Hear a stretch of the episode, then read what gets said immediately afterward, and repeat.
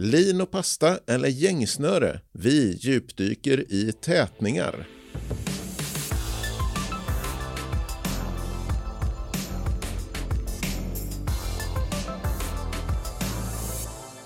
Välkommen till VVS-podden. Jag heter Fredrik Karlsson och eh, med mig har jag Natalia Strandberg på Nytorps Rör.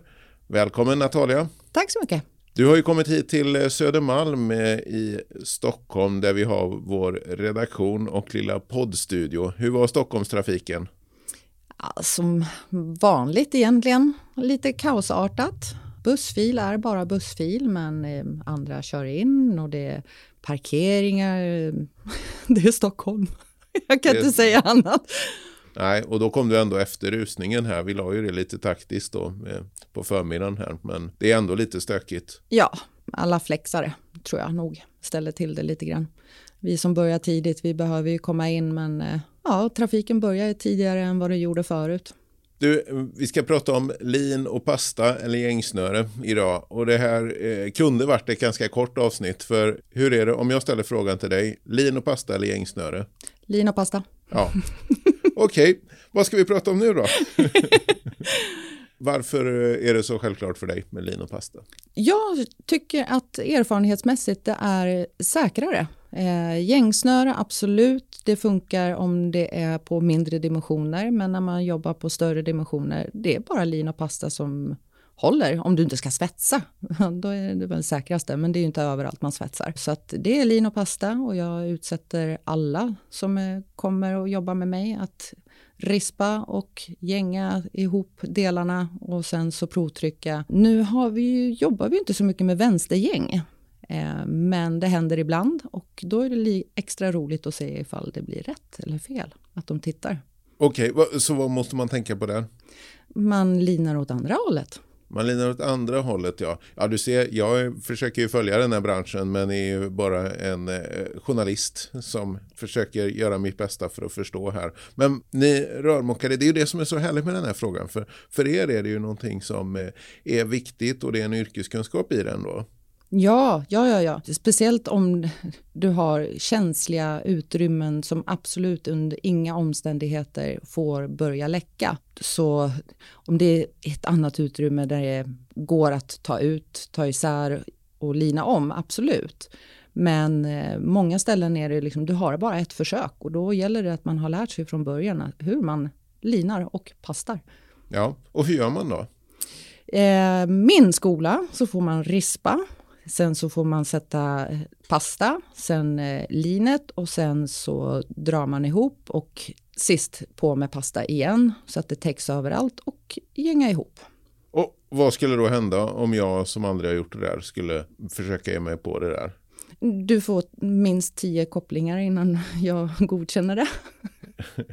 ja. Visa att du kan. Ja, så om jag skulle bli din lärling för en dag så skulle det bli lite, då skulle jag få hålla på med detta en ja, stund. Ja, en liten stund i alla fall. Och sen så sätta på olika ställen där vi kan provtrycka bara för att se. För att ibland behöver man lina mycket, ibland är det mindre. Beroende på hur mycket tryck som kommer användas. Så att eh, det ska vara snyggt efteråt också. Det ska inte vara gardiner, vilket betyder att linet syns på kopplingen igenom och det får inte bli en jättestor bulle som sticker ut och blir fult helt enkelt. Det ska fortfarande vara estetiskt. Det är några lärlingar som har fått eh, testa detta för dig då? Ja, jag är lite taskig ibland men jag tycker att det ska sitta i ryggraden så att eh, när vi kommer på ett uppdrag där det är väldigt många kopplingar så lägger jag fram det och så visar jag och sen så får de göra det. Och då är det tack och lov många gånger där det inte gör så mycket ifall det skulle vara läckage vid provtryckning, men framför allt att lära sig. Det här är någonting som ska sitta i ryggraden. Ska inte tveka och undra hur var det man gjorde nu? Är det tillräckligt? Har jag dragit linet tillräckligt hårt? Har jag dragit ut det? Och ja, det ska sitta. Bra att veta. Men du, de här som eh, väljer gängsnöre då, vad är det för typer? vad är det för typer? ja, ja, man kan använda det till exempel på eh, radiatorrör när du byter eh, ventiler. För då kan det vara lite, lite lättare att hålla det snyggt. När man beställer ventilbyten, då kan det vara målade rör och då är det ganska bra att använda gängsnöret. Men det gäller ju också att man har lärt sig använda gängsnöret och inte ha för mycket. Och då är det ju snyggare för då blir det inte massa gängpasta som ligger överallt. Okej, okay, så det finns tillfällen när gängsnöre är bra att ha? Ja, det finns det. Du, eh, det här med att få tätt ändå. Jag har ju varit med om eh, hemma att, man, att jag bara lägger mig och plockar isär rören under diskbänken för att det är lite stopp. Och sen eh, när jag sätter dit dem så blir det inte riktigt tätt. Och jag ligger där och svär. Hur många gånger har du fått trycka ut efter sådana som jag som inte får tätt under diskbänken, de allra enklaste kopplingarna? På jouren var det ganska många gånger. Speciellt på julen när maken har köpt en fin ny kran och ska visa sig på styva linan att han minsann kan och så blir det inte tätt. Det är lite roligt att ja. komma efteråt. Nej, så långt har inte jag sträckt mig så jag har försökt att byta kran utan det har bara varit att eh, få bort skiten som gör att det rinner ner lite långsamt. Ja, nej, men många gånger så räcker det med eh, att tala i telefon helt enkelt vägleda. Eh, hur ser kopplingen ut? Idag har vi ju att man kan ta Facetime eller ja, man kan prata videosamtal och det underlättar många gånger när det bara är något litet där man känner att men det här är inte ens värt men det är kanske en blivande kund så då försöker man vägleda per telefon och sen så framför allt säga klart och tydligt till flera som ja, jag tänkte jag skulle göra rent. Fota före och sätt ihop det likadant. Man glömmer bort när du har till exempel ett vattenlås och har plockat isär det i miljarders bitar. Vilken del satt vart? Ja, det var ju det där. Det skulle du ha sagt till mig innan. Men, Fota först!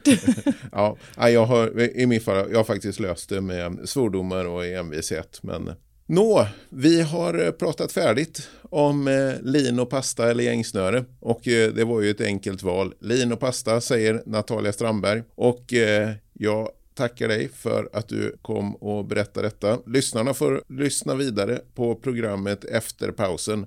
Men du ska ju tillbaka och jobba. Jajamän, det ja. är bara på igen. Ja, då hoppas vi du har bättre tur med trafiken den här gången. Ja.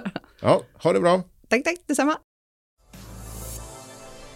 Lin och pasta eller gängsnöre? Det är frågan som vi har pratat om här i VVS-podden i dagens avsnitt. Och nu har jag tagit mig ut till eh, Refis där morgondagens VVS-are utbildas. Jag sitter här med Leo Hellsten som är lärare, Johan Forsberg som går i trean och Ludvig Näslund i tvåan. Leo Hellsten, om vi börjar med dig här. Vad lär du ut? Lin och pasta eller gängsnöre? Hur tätar man bäst? Eh, jag föredrar lin och eh, pasta. Det, det, tycker jag känns mycket bättre än vad gängsnöre känns.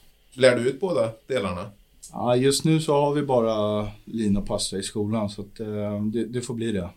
Det var ett tydligt vägval här. ja, vad säger eleverna då? Johan, vad säger du? Jag väljer helst eh, lin och pasta av eh, gängsnöre. Det är mycket bättre tycker jag. Det är lättare att använda, för ja. mig i alla fall. Och, och vad säger Ludvig? Ja, jag har nästan bara erfarenhet med just lin och pasta så det föredrar jag också. ja, ja. Använder ni det ofta? Ja, nästan hela tiden. Okej, har ni använt gängsnöre någon gång? Ja, det har jag. Ja, och vad tyckte du då? då? Ja, lite konstigt.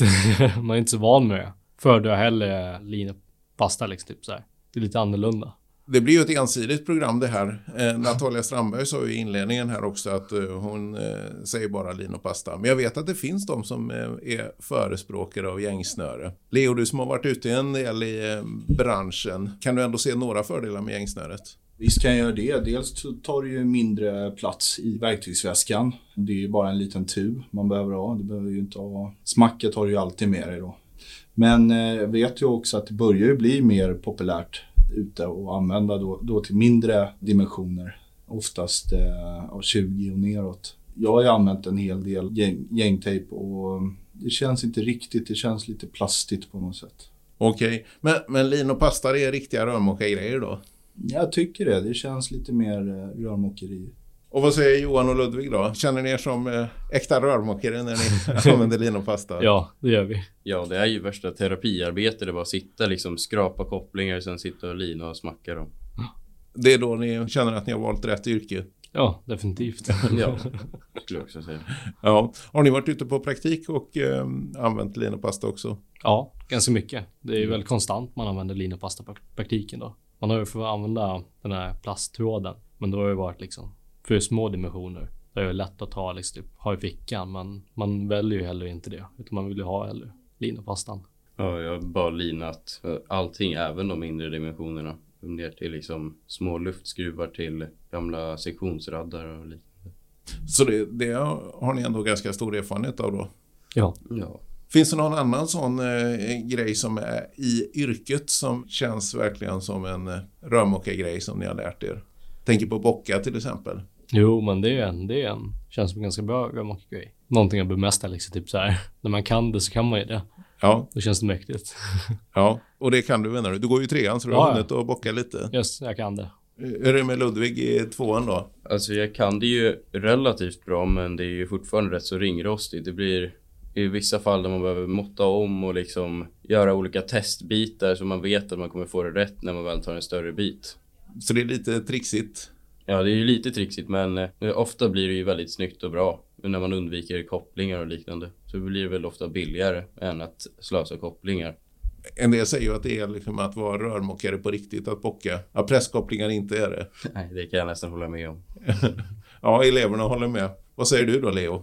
Jag, jag tycker eh, Bocka blir ju absolut snyggast. Sen är väl inte jag den som är så kinkig på om man använder kopplingar eller inte. Jag tycker att helheten ska vara snygg och får bäst resultat med att helbocka. Eh, och det är ju det vi försöker lära ut till eleverna att eh, det är faktiskt eh, slutresultatet vi säljer och det ska vara säljbart. Sen är ju bockning en eh, färskvara.